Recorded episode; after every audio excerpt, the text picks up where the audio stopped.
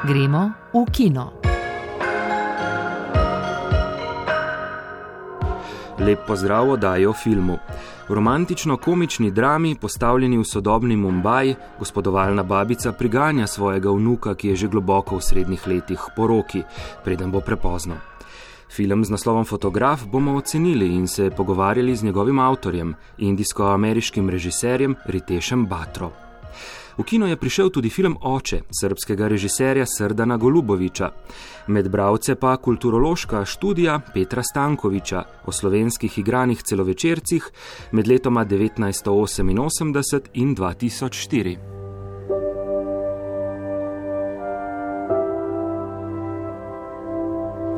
Začenjamo s filmom Fotograf indijskega režiserja Riteša Batre, ki od študijskih let naprej ustvarja v Združenih državah Amerike.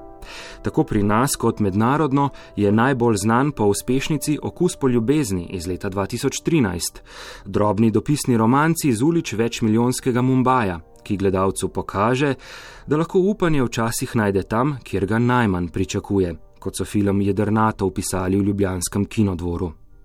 Ali ga je uspeh filma Okus ljubezni presenetil, Riteš Batra pove. Did it surprise me? Uh, I mean, yes. I mean, I, look, I knew it was a good movie. Presenetil me je. Vedel sem, da je nastal dober film, kar ponavadi ugotoviš v montaži. Ponosen sem bil dan, vedel sem, da bo deloval na gledalce, nisem pa vedel, da bo tako uspešen, kar je dobra stvar. Dobro je biti presenečen, ko ti uspe, kajti če te preseneča neuspeh, to pomeni, da je nekaj narobe s tabo. Navdihujoče je bilo videti, kako je bil film sprejet. Nekoč sem snemal v majhnem rudarskem mestecu v Koloradu, v skalnatem gorovju, kjer so nekoč imeli kino, potem pa se je zaprl. Ljudje v tem mestecu so v svojem lokalnem kinu videli okus po ljubezni. Za marsikoga je to edini indijski film, ki ga je videl, kar me na neki način osrečuje, čeprav si želim, da bi ljudje po svetu bolje poznali indijsko kinematografijo. V našem poslu je uspeh nepredvidljiv. Sam mislim takole: če narediš film, ki se ljudi dotakne, ti je uspelo. Zvezda okusa po ljubezni, igralec Irfan Khan, je nekoč rekel, da film ni škatla, ki potuje po svetu in pobira denar. Ne gre za to. Film je način, kako ljudem pokazati, kaj nam je skupnega, v čem smo si enaki. Zato si želim, da bi več indijskih filmov potovalo po svetu, da bi se ustvarili pogoji za to. I do wish that would happen. The conditions would be created for that to happen. Indija ima več kot milijardo in 400 milijonov prebivalcev in eden od razlogov, zakaj sta film in kino v Indiji tako priljubljena, je tudi ta, da v Indiji govorijo več kot 30 jezikov in da so v eno državo združili veliko zvezdnih držav in ozemelj. In vsako izmed njih ima svojo industrijo in svoje zvesto občinstvo, pravi Ritež Batra. Zato nastane več kot 1500 filmov vsako leto. Gre za velik ekosistem, delovna mesta, za potrebo gledalcev, da si redno vsak teden skupaj v družbi ali z družino ogledajo nove filme. Obisk lokalnega kina je v Indiji redna in pogosta navada, ki bi jo morda lahko v Sloveniji primerjali z obiskom trgovine. Nekateri nakupujejo vsak dan, večina večkrat na teden, redki redkeje.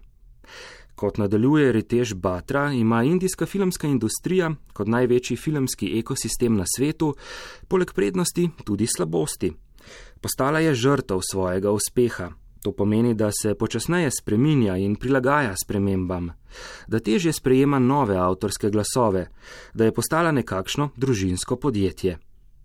Zanimivo je tudi to, da mednarodna priljubljenost in poznavanje indijskega filma nista od včeraj, nista se začela niti z njegovo uspešnico Okus po ljubezni, ne z monsunsko svadbo iz leta 2001, ampak imata daljšo zgodovino, ki sega še v obdobje hladne vojne. Ritež Batra. Uh, Uh,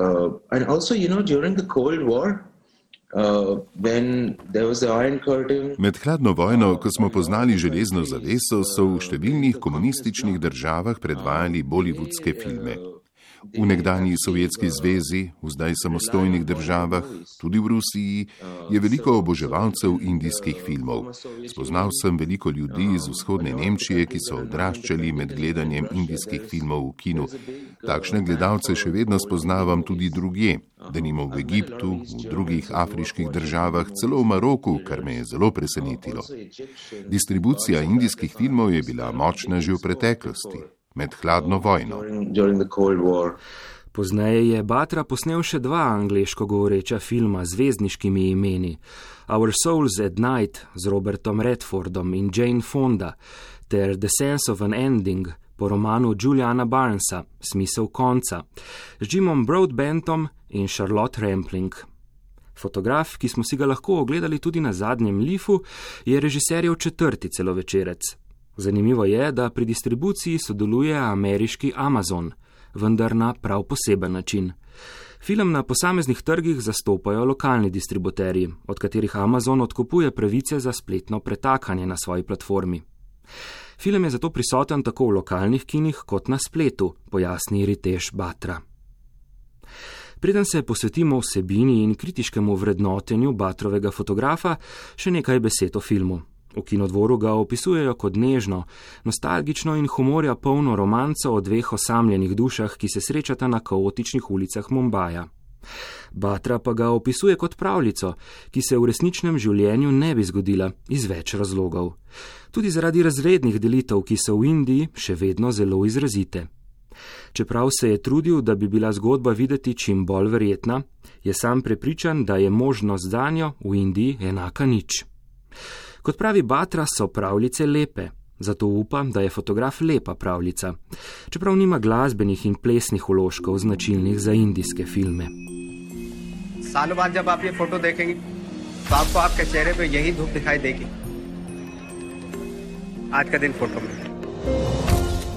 O filmu Fotograf v recenziji razmišlja Gaja Pešel.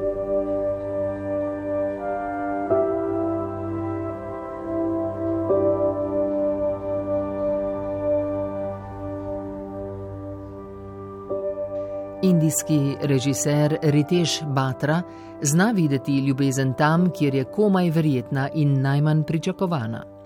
V svojem prvencu Okus po ljubezni iz leta 2013 je s pomočjo narobe dostavljenih drobnih sporočilc v škatlah za kosilo zbližal mlado gospodinjo in odljudnega računovodjo, v Netflixovem TV filmu Our Souls at Night pa dva udovela soseda, ki sta dolga leta živela drug mimo drugega.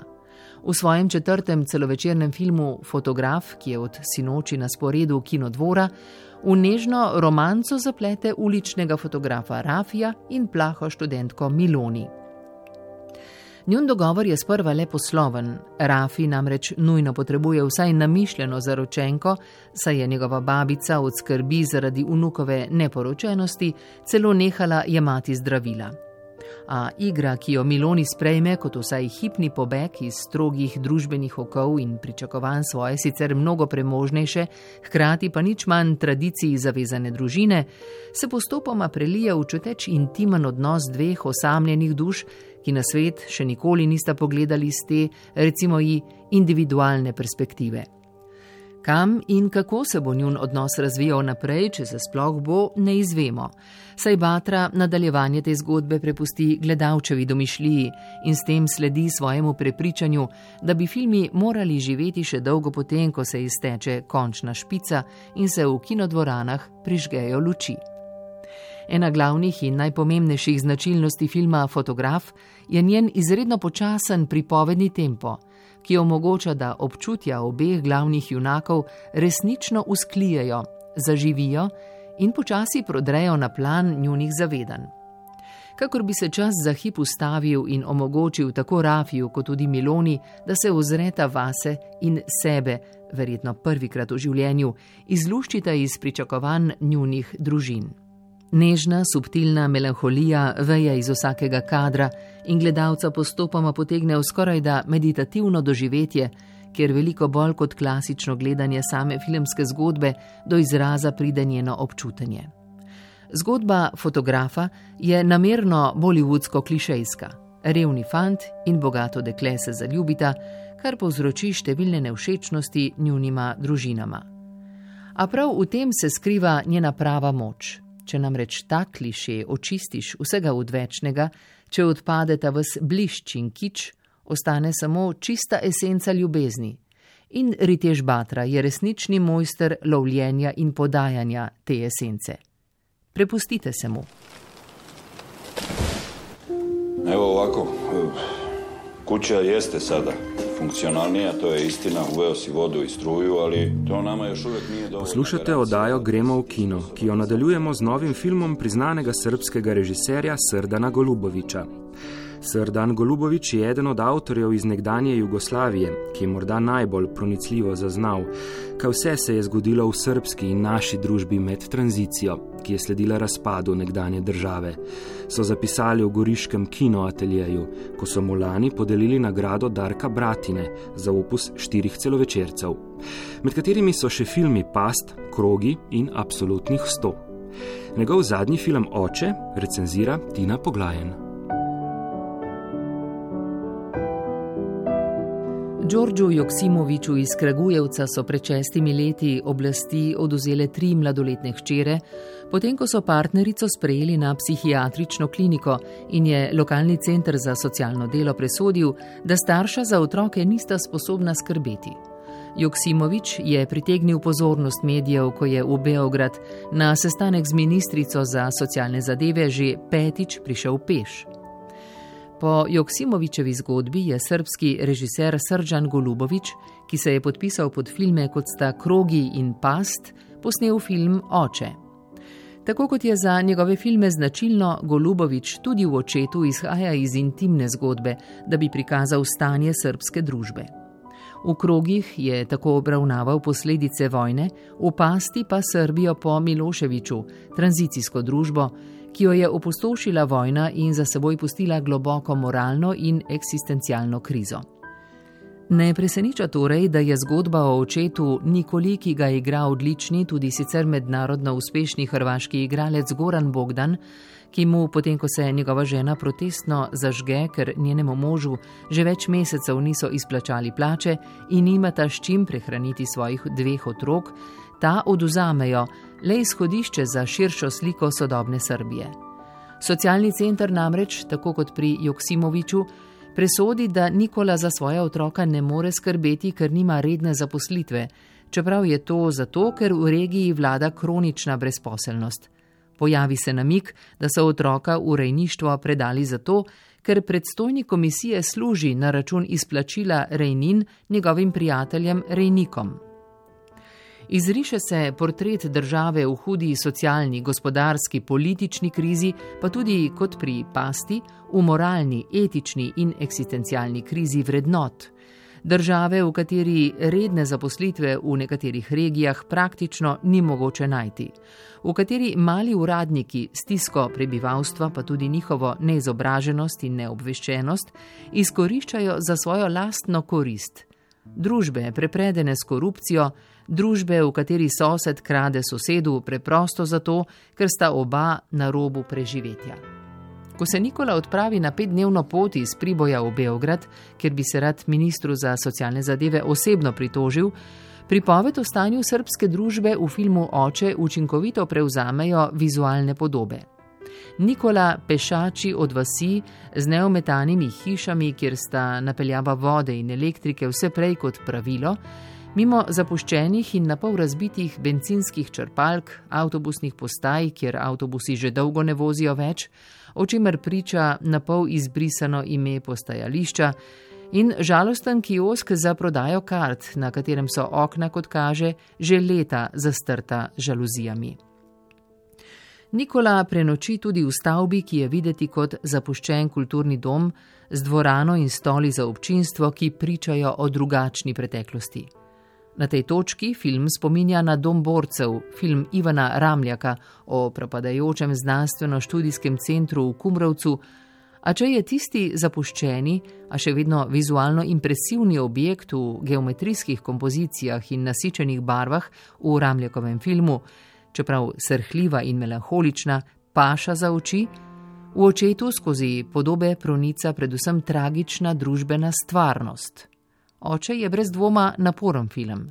Brezupnost je upodobljena tako učinkovito kot v najboljših filmih Kena Lovča. Včasih si zaželimo, da bi lahko film ustavili in si od njega oddahnili. A življenje ne deluje tako. Tudi Đorđe Joksimovič na svoje otroke še vedno čaka.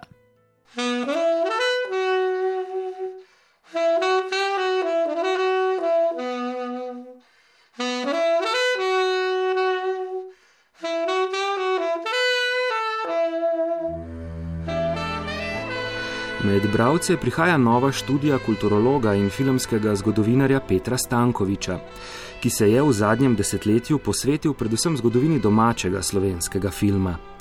Poglobljeno jo je urisal in pokukal v njena kulturološka, pa tudi biografska in zgodovinska ozadja. V prvem delu zgodovina slovenskega celovečernega igranega filma, ki je leta 2013 išla pri založbi Fakultete za družbene vede Univerze v Ljubljani. Minuli teden pa je predstavil njen drugi del s podnaslovom Preporod slovenskega filma med letoma 1988 in 2004. Knjiga bravcem ponuja tekstualno analizo vseh posnetih celovečernih igranih slovenskih filmov, pa tudi poskus avtorjevega vrednotenja domačih filmov, njihovih močnih in šibkih točk. Profesor Petr Stankovič je v pogovoru z Jasmino Šepetavc povedal: Ja, ja, ja, imel sem dilemo, ne, zelo preprosto. Ne, pravi, na začetku sem, ne, mi bila ta ideja, mogoče film opisati. Ne, se pravi, ok, do, govori o tem, imamo te neke mogoče vsebinske poudarke, asociacije in tako naprej. Ampak pol se nekako ne dobro, pa, pa imaš neki film, recimo nek. Mislim tako, na ta neka dilema, ne, ali biti zdaj sociolog, ali biti kulturolog, ali biti filmski kritik. Na koncu sem, dosta sem tehto, ne, in pol na koncu sem rekel, da bi vključil nekak, mojo pozicijo, vendar bi tudi vendar, pozicija filmskega kritika, se pravi v bistvu početi nekaj, se pravi v bistvu vrednotiti filme. To je delikatna zadeva, ne, se pravi v bistvu kar dober, ne, se to so čist pa sem človeške stvari, ne, film je, ne vem, ne, režiser ga pripravlja, projekti, snema se, ne, en kup svojega življenja dajo v to. Uh, in zdaj ne pač nekdo tukaj, ne, skratka, tukaj mudruje v teh zadevah. Ampak po drugi strani, ne, se mi zdi, slovenski film je na taki specifični poziciji, ne, se mi zdi, da v bistvu oscilira med dvema skrajnostima, ki se mi zdi, da obe malo problematični. Ne, pravi, ena je v bistvu ta, da v bistvu ljudje rečejo, skratka, slovenski film je za nič, to je dolg čas, to je drek, to je zatežen, kdo to lahko gleda. Ne, skratka, nažalost je ogromen tega, manj kot je bilo, ampak še zmeri. Zato to je ena skrajnost, ne, eno a priorno odklanjanje, druga skrajnost je pa v bistvu to a priorno trepljanje po hrbtih, ne, skratka, vse smo super, pa fajn, pa tako si naredil. Ne. Zdaj hočem reči, dobro, ne, normalno vse to, ampak mislim, da na nek način zdrava kinematografija se začne v bistvu tle nekje vmes, ne, se pravi, v bistvu, ko iščemo dobre strani, slabe strani. Jaz sem, nekako moje izhodišče je bilo tako, da v bistvu čist po vsakem filmu probam najdeti kakšne dobre in slabe strani. Moram reči, da v bistvu Prvo, samo enem filmu, če se ne motim, mi ni, najdel, ni uspel najti niti ene dobre strani. Knjiga s prvim delom, ki zajema obdobje do leta 1988, predstavlja podroben pregled zgodovine slovenskega filma z različnih zornih kotov, od političnih, družbenih, estetskih in filozofskih. V novem delu avtor izpostavi problematično in krizno obdobje slovenskega filma v drugi polovici 80-ih let 20. stoletja, ki je napovedovalo propad domače kinematografije. Stankovič se v nadaljevanju osredotoči na slovenski filmski preporod, ki je prišel z 90 leti, in filmi, ki so bili vsebinsko in slogovno zanimivi in inovativni, da nimo prvenec Vinčija Voga Anžlovarja, babica gre na jug iz leta 1991. Ja, se pravi, jaz mislim, da se je to, to razočaranje na slovenskem filmu zgodilo že v drugi polovici 80-ih let. V prvi polovici 90-ih nekako, ja, ta slaba volja se je nadaljevala.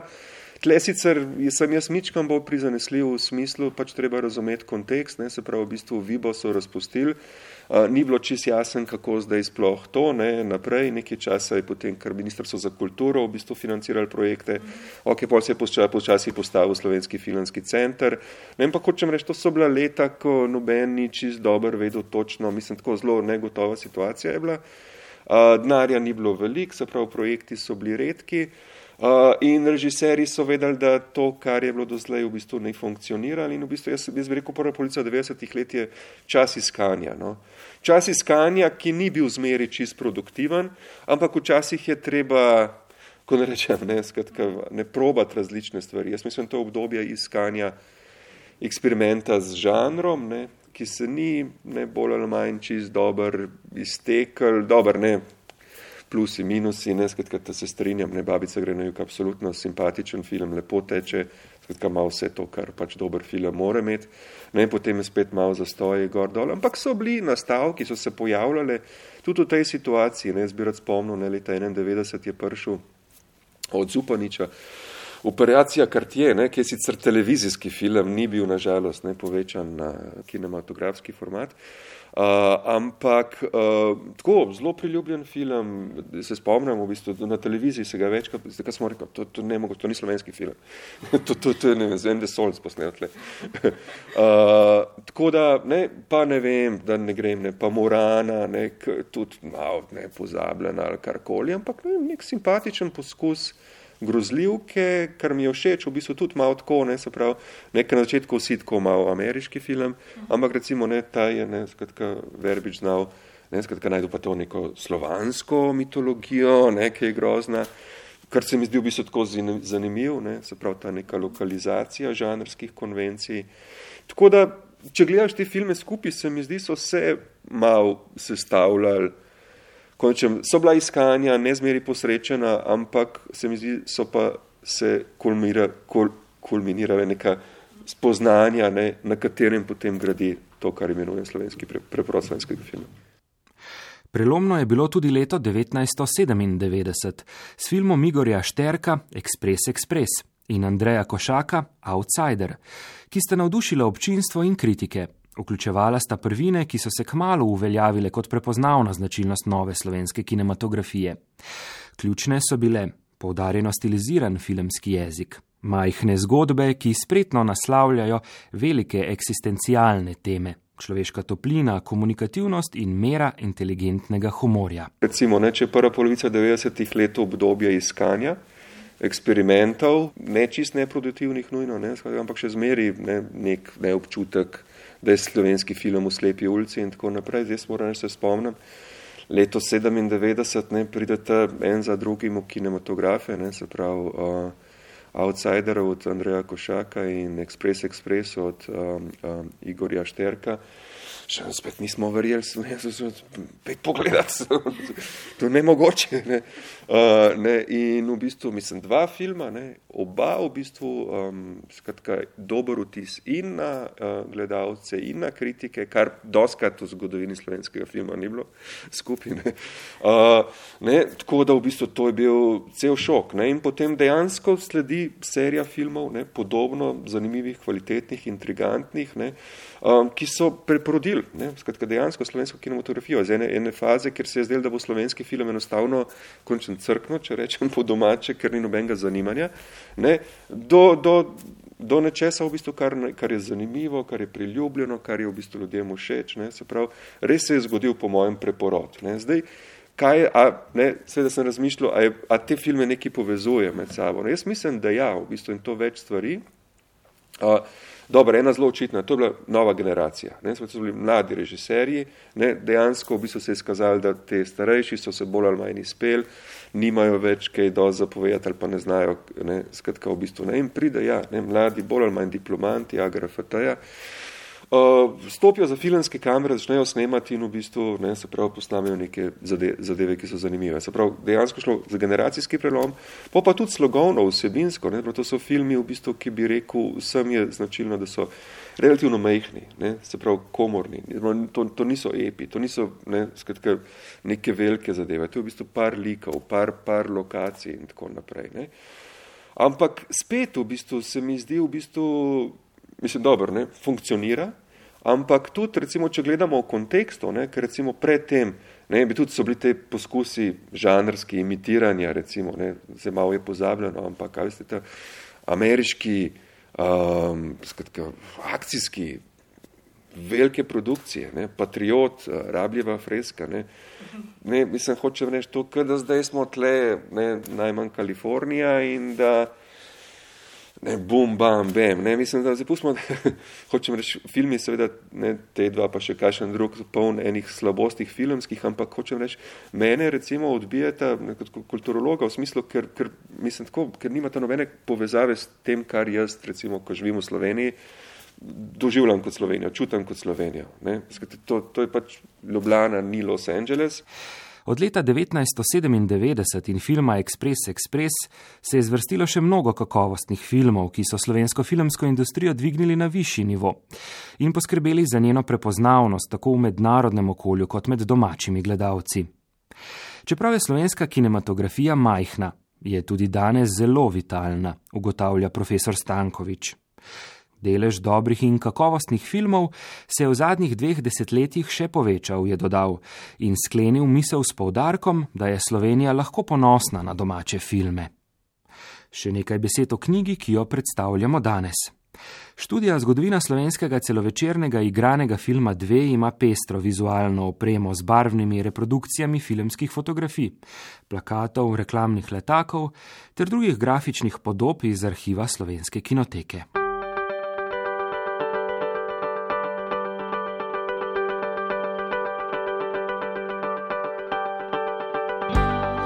Iz slovenske kinoteke v Ljubljani so sporočili, da v četrtek 3. junija končno odpirajo retrospektivo filmov Federika Felinija, ki so jo lani jeseni morali odpovedati zaradi drugega vala epidemije. Sorganizator retrospektive Cineteka Nacionale iz Rima je slovenski kinoteki dovolil, da 35 mm kopije Felinijevih filmov zimo preživijo pri njih, vse do zdaj, ko jih bodo predvajali na kinotečnem platnu. Felinijevo retrospektivo bodo odprli z njegovim zgodnjim filmom Beli šejk iz leta 1952 in nadaljevali z vsemi 20 režiserjevimi celovečernimi filmi, s tremi celovečernimi omnibusi, v katerem je Felini prispeval svoje epizode, in štirimi dokumentarnimi filmi o Feliniju, ki jih je posnel nemško-ameriški avtor Gideon Bachmann.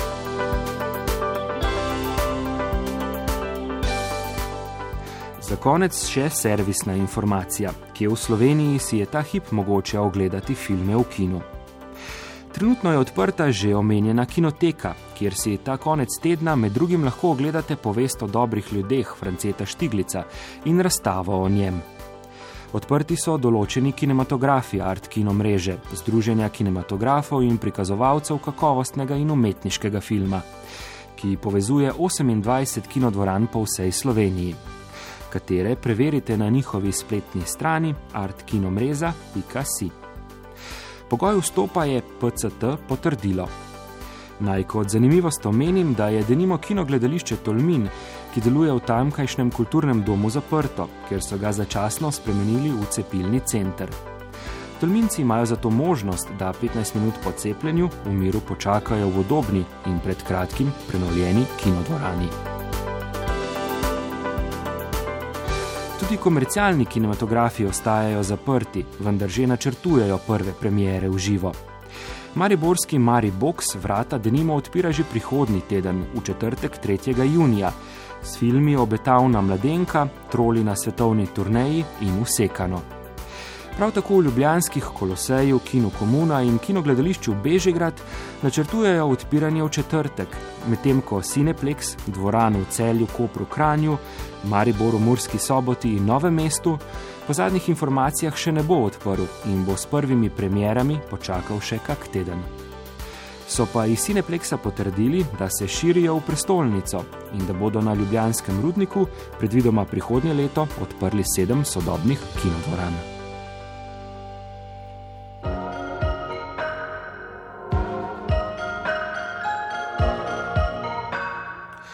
Spoštovane poslušalke, dragi poslušalci, to je bila oddaja Gremo v kino.